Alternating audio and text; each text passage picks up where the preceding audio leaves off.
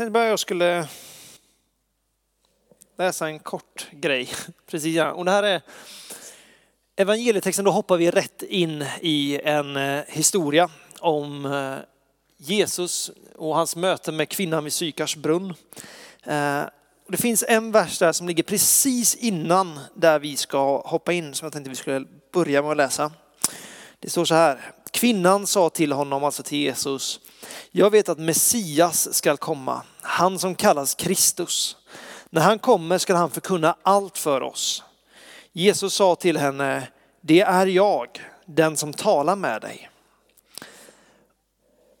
Och när vi ser på den, på den grekiska grundtexten här så används ordet, när Jesus säger det är jag, så används ordet ego eimi, vilket egentligen betyder jag, jag är, eller jag är, jag är. Och det får en helt annan innebörd än när vi bara säger jag är på svenska. Därför jag är är Guds namnet. När Jesaja talar om Gud så talar han om jag är, ego eimi. Så det Jesus säger i det här mötet med den här kvinnan, när hon på något sätt söker svaret om vem Gud är så säger Jesus, jag som står framför dig, jag är, jag är. Det innebär att den Jesus som vi har mött med, eller som vi förhoppningsvis kommer få möta med om vi inte har mött honom än. Han är början och slutet. Han är alfa och omega. Allting som finns, fanns före tiden till tidens slut. Han som står utanför allt, han som genomsyrar allt, han som finns i allting. Han som ser i detalj men samtidigt ser det stora perspektivet. Det är han som vill möta med oss idag. Jag tänker bara innan vi läser evangelietexten ska vi bara på nytt en gång, vi har gjort det i lovsången här, vi har gjort det i bönerna här, men vi ska bara på, e- på nytt bara välkomna han som är alfa och omega, han som är allting. Han som längtar efter en relation med dig och mig och som vill möta oss idag, som vill att sitt ord får bli till liv i oss.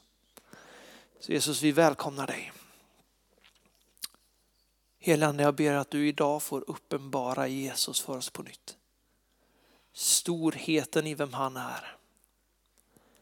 Vad han har gjort för oss, vad han ständigt gör för oss och vad som kommer oss till mötes i honom. Helige jag tackar dig för att du alltid förhärligar honom. Så jag ber att du får förhärliga Jesus i våra liv idag. Helige jag ber att när vi idag läser ditt ord så får det hugga till i våra hjärtan. Och vi får fästa vår blick på dig, vi får ropa efter dig Jesus. Herre, jag ber att du får öppna våra ögon så att vi ser. Öppna våra öron så att vi hör. Öppna våra hjärtan så att vi förstår vem du är. Jesus, herre, vi, vi skiter i kunskap. Vi skiter i erfarenhet, Herre. Vi vill ha sanningen om dig. Vi vill ha relationen med dig, hjärta till hjärta, ansikte mot ansikte. Herre, vi vill inte ha någonting som andra människor kan erbjuda oss.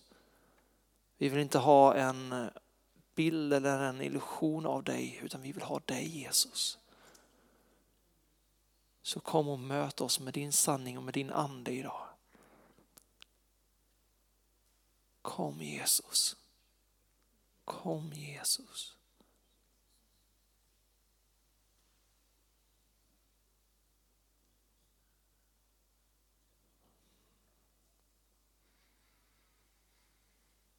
Jesus, jag tackar dig för att du är här.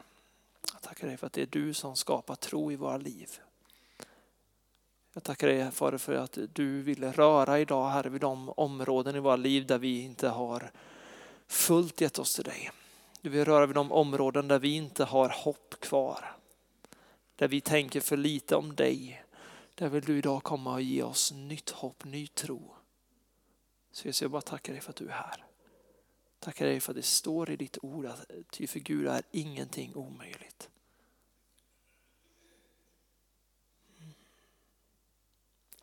Amen. Amen.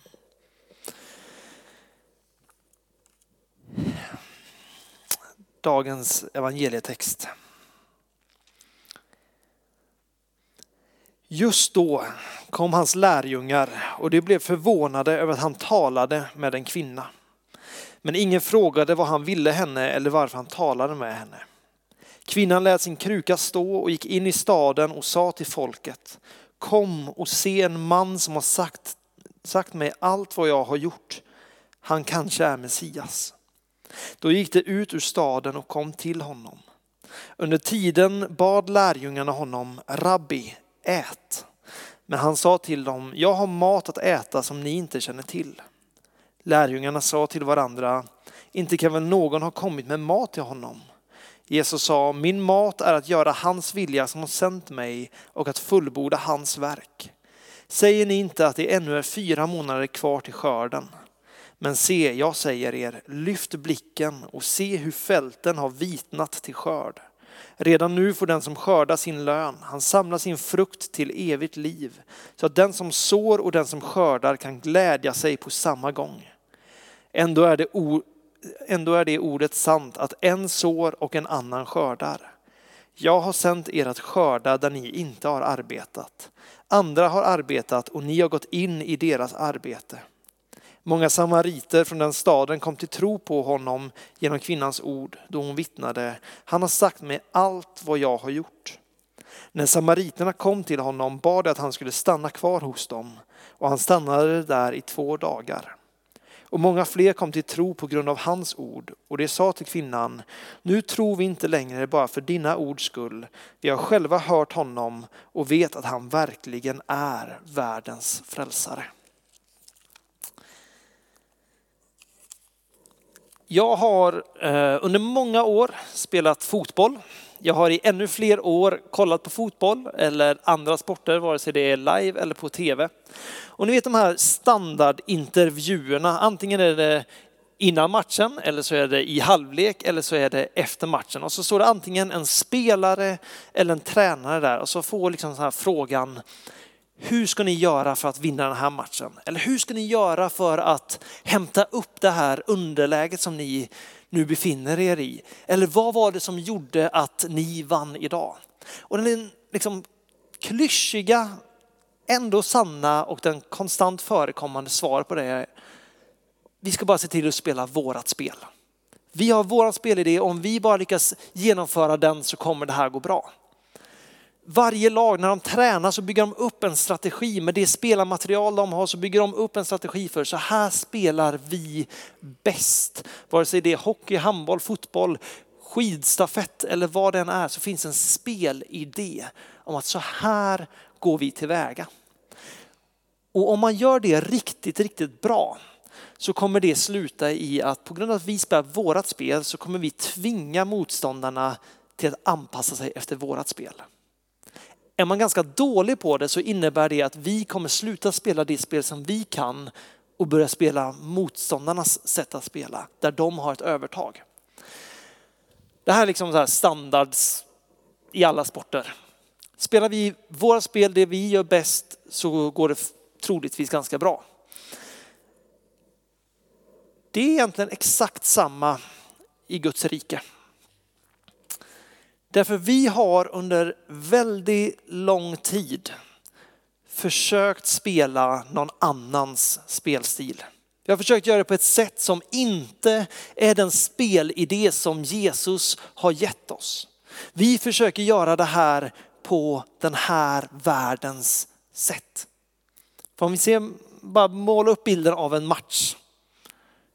Det är Guds rike och det är den här världen. Det är så Bibeln på något sätt talar om det. Och vi vet vem som vinner på slutet. Vi har uppdraget att springa stafetten. Vi har uppdraget att spela matchen så länge det är igång. Och väldigt ofta, tack Martina, väldigt ofta så försöker vi göra det med deras medel. Eh, jag sitter för tillfället och läser om eh, så här pre-modernism, eh, modernitet och postmodernitet. Och det som liksom moderniteten kom med på det 1700-1800-talet på något sätt, det är att säga det att de här gamla trossanningarna håller inte längre. Det gamla är dåligt, det nya är bra. Det som vetenskapen kan bevisa, det vi rationellt kan förstå, det är bra. Och väldigt ofta så går vi in under den sanningen. Vilket gör det att när vi tänker nu ska vi gå ut med det här uppdraget att vi ska gå ut och göra lärjungar av alla nationer. Ut till jordens yttersta gräns ska vi predika evangelium så kommer vi och så gör vi det på världens sätt. Vi försöker vinna en argumentation, en diskussion där vi försöker förklara och övertyga, överbevisa med våra argument att Jesus är den han säger att han är. Och jag skulle säga att så länge vi spelar så, så kommer vi förlora 10 av 10 gånger. För att visa detta så går vi till Bibeln. Johannes 3, vers 1-8. Bland fariseerna fanns en man som hette Nikodemus, en av judarnas rådsherrar. Han kom till Jesus en natt och sa, Rabbi, vi vet att du är en lärare som kommer från Gud. Ingen kan göra det tecken som du gör om inte Gud är med honom. Jesus svarade, jag säger dig sanningen. Den som inte blir född på nytt kan inte se Guds rike. Nikodemus sa, hur kan en människa bli född när hon är gammal? Hon kan inte komma in i moderlivet och födas en gång till. Jesus svarade, jag säger dig sanningen. Den som inte blir född av vatten och ande kan inte komma in i Guds rike. Det som är fött av kött är kött och det som är fött av ande är ande. Var inte förvånad över att jag sa att ni måste födas på nytt. Vinden blåser vart den vill och du hör dess sus, men du vet inte varifrån den kommer eller vart den är på väg. Så är det med var och en som är född av anden. För att kunna förstå vem Jesus är, för att kunna förstå vem Gud är, så måste du bli född på nytt. Jag kan slänga upp ett bibelord till direkt här bara innan vi fortsätter. Första Korinthierbrevet 12.3. Därför ska ni veta att ingen som talar genom Guds ande säger förbannelse över Jesus. Och ingen kan säga Jesus är Herren annat än i kraft av den helige ande. I min bibel så finns en not på den här som hänvisar till, jag tror det är Romarbrevet 5, där det står att om du bekänner med din mun och du tror i ditt hjärta så ska du bli frälst. Så den här bibeltexten talar inte om bara en sån här att någon som inte tror på Jesus kan säga Jesus är Herre, för det kan de om du utmanar dem. Men den konkreta sanningen i att med sitt hjärta tro att Jesus är Herre, det går inte att göra utan den helige ande.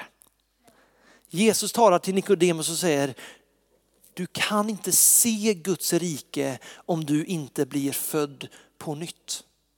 Därför att han står inför Jesus. Han har sett under och tecken som han inte kan förklara. Och han säger, jag förstår att du måste komma ifrån Gud. Det finns inget annat sätt att förklara de här undrena och tecknena som du gör. Jag förstår att du är sänd ifrån Gud. Men han förstår inte att det är Gud ego eimi. Han förstår inte att det är Gud, Guds son som står framför honom. Och när Jesus säger det här, du måste bli född på nytt, så går han direkt, och tänker, hur kan jag bli född på nytt? Jag är gammal. Ska jag krypa upp och bli utfödd, utklämd en gång till? På något sätt är den här rationaliteten i att försöka förstå vem Gud är, försöka förstå vem Jesus är utan att den helige ande har uppenbarat det för honom. Det är vad som händer när vi försöker förklara för någon vem Jesus är utifrån egen, på något sätt egen kraft, utifrån egen vishet. När jag ska försöka överbevisa någon genom mina ords vishet vem Jesus är. Det finns någonting som heter apologetik. Det betyder egentligen trons försvar. Och på ett sätt så tycker jag apologetik är skitbra. Jag tycker det är jätteintressant. Jag har läst lite apologetik, jag har lyssnat på mycket apologetik. Det är skitintressant. Men det är samtidigt helt knas. Därför tron behöver egentligen inte försvaras. Vi är inte på defensiven. Det Jesus säger i det här stycket och i missionsbefallningen är att gå ut Gå framåt, marschera framåt, vinn människor för Guds rike. Och vi hamnar i det här, nu ska jag försöka förklara att tron inte är så dum som den låter. Det är inte Guds sätt att göra det på. Och jag tror inte att vi vinner människor genom att försöka att förklara att det finns lite logik i det vi tror på. Vi vinner människor genom att vi talar evangelium. Vi talar ut vad som är sant om Jesus, att Guds rike är här, att Jesus har dött för oss och han har öppnat vägen till pappa Gud. Det är evangelium och det är när vi talar ut de orden som den helige ande verkar i människornas hjärtan. Det är inte med mina, min vishet, det är inte med min kunskap från en teologisk utbildning.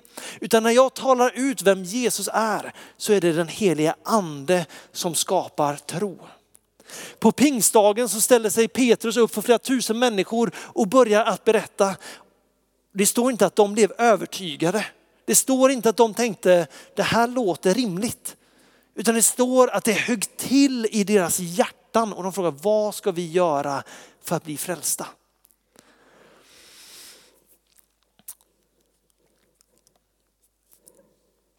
Vi gör Gud alldeles för liten.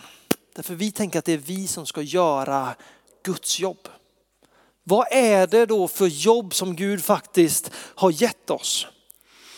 Om vi kollar i eh, mittenstycket av eh, evangelietexten. Så står det så här. Vi börjar från Lyft blicken och se hur fälten har vitnat till skörd. Redan nu får den som skördar sin lön, han samlar in frukt till evigt liv så att den som sår och den som skördar får glädja sig tillsammans. Här stämmer ordet att en sår och en annan skördar. Jag har sänt er att skörda där ni inte har arbetat. Andra har arbetat och ni går, har gått in i deras arbete. Lyft blicken. Det är moget, det är dags att gå ut.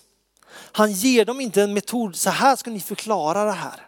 Så här ska ni göra det här, utan han säger lyft blicken, gå och skörda. Därför när vi tar med oss Gud in i bilden, när vi låter Gud stå för övertygelsen om vem han verkligen är. Det enda vi då behöver göra det är att gå och predika evangelium. Det är vårt uppdrag. Det står så här i Markus 4, 3-9. Här har vi vår spelidé. Det här är vår spelidé. Lyssna, en såningsman gick ut för att så. När han sådde föll en del vid vägen och fåglarna kom och åt upp det.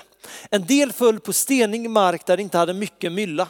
Och det kom upp snabbt eftersom det inte hade djup jord. Men när solen steg sveddes det och eftersom det saknade rot vissnades det bort. En del föll bland tistlar och tistlarna sköt upp och kvävde det så att det inte gav någon skörd. Men en del föll i god jord och det sköt upp och växte och gav skörd i trettiofalt, sextiofalt och hundrafalt. Och han sa, hör du som har öron att höra med. Jag tror inte Jesus var så intresserad av lantbruk. Det står redan i nästa stycke så står det när han förklarar den här liknelsen, när han säger att fröna är ordet. Och han säger, ni ska vara som den här såningsmannen som går och sprider ut överallt. Går man, går man till en riktig lantbrukare så kommer man märka att det här är inte sättet att göra lantbruk på, säger man så? Det här är inte en bra idé om du vill ha stora åkrar, utan då innebär det att du ska gå och du ska vad heter det, plöja marken. Du ska ockra marken. Någonting heter det. Du drar upp jorden, du får bort, du harvar. Du ska inte gå och harva jorden, du ska gå och harva jorden. Nu blir det snurrigt här. Alltså en, en bonde kommer att förbereda marken och sen noggrant gå och lägga de här fröna i rader så att det växer upp. Inte för tätt, inte för utbrett, utan det blir en stor bra skörd. Här kommer Jesus och säger sprid det överallt. Släng det på vägen om det är så. Där du går fram, sprid ordet. En del kommer landa på vägen Fåglarna kommer komma och äta upp det. Några kommer hamna bland tisslarna och de kommer kvävas. Andra kommer landa i grundjord, vilket gör att solen kommer torka ut det. Men några kommer hamna i god jord och det kommer ge en skörd i 30-falt, 60-falt och 100-falt. Det här är våran spelidé. Att där vi går fram, där sprider vi ordet, där berättar vi evangelium och sen litar vi på att Gud ger frukten. Gud ser till så att det vi har spelat ut, att det blir frukt och skörd utav det. Jag vet inte hur det är med er, men för mig blir det så ofta att när jag möter en människa, jag tänker, okej, okay, det är smart att spela slow. Taktiskt, först visar de att jag är en ganska normal människa. Sen visar man att det kan vara trevligt att vara på mig, att jag är trovärdig. Och sen börjar jag sakta mata in lite Jesus i det hela. Och sen kanske om ett par år så har vi någon ny till dopgraven. Det är inte Guds strategi, därför det där bygger på att jag har en plan som jag håller och som sen ger resultat. Där jag sakta har liksom infiltrerat deras sfär och lyckats övertyga dem. Guds plan är berätta om vem Jesus är så att jag sen kan väcka deras hjärtan till liv. Det är Guds plan. Men vi, jag, okej okay, jag får tala för mig. Så ofta så försöker jag göra det här på vårat sätt. Jag försöker göra det här på den här världens sätt. Jag försöker göra det här så att jag inte behöver ta ett steg i tro och lita på att det faktiskt är Gud som gör någonting. Det står så här i Matteus 16, 33 till 17. När Jesus kom till trakten av Caesarea Filippi frågade han sina lärjungar, vem säger människorna att människosonen är? Det svarade, vissa säger Johannes döparen, andra Elia och andra Jeremia eller någon av profeterna. Han sa till dem, och ni, vem säger ni att jag är? Simon Petrus svarade, du är Messias, den levande Gudens son. Jesus sa till honom, salig är du Simon, Jonas son, för det är inte kött och blod som har uppenbarat det för dig, utan min far i himlen. Det är bara den heliga ande som kan skapa den tron i oss. Det är bara den heliga ande som på något sätt i våra hjärtan kan säga att Jesus är Gud. Jesus är vägen, sanningen och livet. Jag vet att det finns jättemånga människor som har kommit till tro på grund av att de har suttit i långa debatter och fått diskutera tro. Alfakursen är ett sådant ställe till exempel där mängder med människor har kommit till tro genom att de får sitta och diskutera tro. De är skitbra. Det är fortfarande den heliga ande i dem som gör att de kan bekänna vem Jesus är. Det är bara den heliga ande i oss som kan ge oss tron till att säga att Jesus är Herre. Johannes döparen sa, jag måste bli mindre, han måste bli större. Vi måste släppa in Jesus på plan. Vi måste faktiskt säga, okej okay, Jesus, det är din spelidé. Vi följer dig. Och inte försöka göra det här på vårt eget sätt. Kollar vi evangelietexten så är det en kvinna som kommer ut helt ensam. På dagen kommer hon ut till brunnen för att hämta vatten. En tid då ingen annan är där. Möter en man som hon inte borde tala med. Och vad gör Jesus? Jesus talar om för henne vart hon har gått fel. Han talar om för henne hur hennes relationer har varit kaukos. Vad blir hennes reaktion? Hennes reaktion blir att hon springer in i staden, ropar ut, jag har mött en man som har talat om alla mina brister för mig. Han är nog Messias. Hade någon sprungit upp på Linnégatan och ropat, jag har mött en man som talar om allt som är fel med dig. Så hade jag inte tänkt, ja men dit går vi. Men det finns någonting i mötet med Jesus när den helige ande uppenbarar vem han är. Som det inte blir att jag ser på mina fel och brister och tänker jag är förlorad. Utan jag står och tänker han som har skapat mig har makten att frälsa mig. När Jesus möter oss, även om det är att visa på områden i mina liv där jag inte är stolt över, så vaknar ett hopp. Det vaknar ett hopp om försoning, om upprättelse, om befrielse när vi spelar på Jesus sätt. När vi litar på att den heliga ande faktiskt är trogen sitt ord, att han kommer att bekräfta evangelium Även om det är så med tecken och under. Men faktiskt lita på att Gud kommer att göra det här. Jag vet inte hur det är för er, men jag skulle gissa på att om vi tänker efter så har vi alla någon människa som vi tänker den där personen kommer aldrig bli frälst. Jag har, jag har ganska många sådana i mitt liv. Där jag, alltså, där jag har sett del, antingen att de har gått alldeles för långt ner i diket. Där jag tänker att äh, de där är för långt gångna för att möta Jesus, för att de ska kunna tro på honom. Sen har de på andra sidan, som jag säger, de har det alldeles för bra ställt för att de ska kunna känna behovet av en frälsare. Jag vet inte hur många vittnesbörd jag har hört om människor som har varit mycket längre ner i diket eller mycket högre upp på pyramiden. Så när de möter med den heliga ande så faller deras murar. Alla de där argumenten som jag har byggt upp, de blir till sand som rinner bort. Därför att när den helige ande uppenbarar för oss vem Jesus är, när den helige ande skapar tron på vem Jesus är, då spelar inget av det där andra någon roll. Vågar vi lita på att det är Jesus som frälser? Eller vill vi fortsätta få stryk i tre halvlekar till? Det finns ingen annan utväg än att faktiskt säga, okej okay, Jesus, du har koll. om du har sagt, sagt till oss att vi ska gå ut och göra lärjungar, ja, men då går vi och sen gör vi lärjungar. Vi går och sprider ordet och litar på att den helige ande faktiskt gör det han har lovat att göra. Eller så fortsätter vi att ha vår kristna klubb där vi kanske kan lyckas lura ett par till. Därför kyrka utan Jesus det är en kafferepsklubb, syjunta eller vad som helst. Det är Jesus som gör sin kyrka. Det är Jesus som skapar tro i människor. Jesus och den helige ande hänger ihop där. Vi måste lita på att Gud vill frälsa människor. Han vill bekräfta sitt ord. Så vi måste sluta stå på hälarna och tänka defensivt och börja tänka, okej okay, hur enkelt är inte det här egentligen? Det enda jag har på mitt ansvar det är att berätta evangelium. Sen får Gud ta hand om resten. Vi gör det så svårt för oss själva Därför vi tänker det är jag som ska göra det här. När Jesus har sagt det är inte ni som ska göra det här. Ni ska gå, ni ska göra det jag säger till er, sen fixar jag resten. Då är det inte så skrämmande, det är inte så svårt längre. Men vi måste börja göra det på Guds sätt. Vi måste börja räkna in honom i bilden. Jag bara säger det också nu avslutningsvis. Här. Jag predikar det här ännu mer till mig än vad jag predikar det här till er.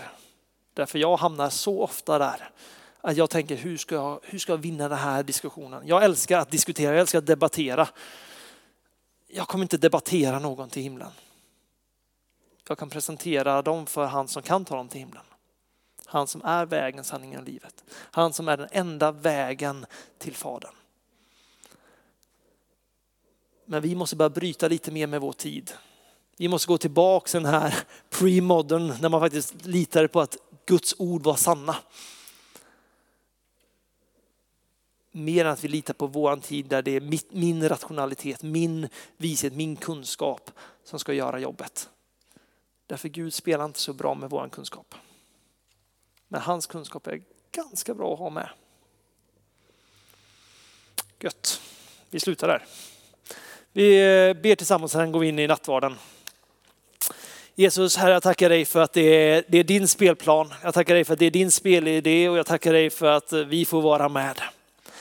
Jag ber att du på nytt får väcka hopp för dem som vi, de som vi kanske har förlorat hoppet för, här, om det är familjemedlemmar eller vänner, Herre. Politiker kanske.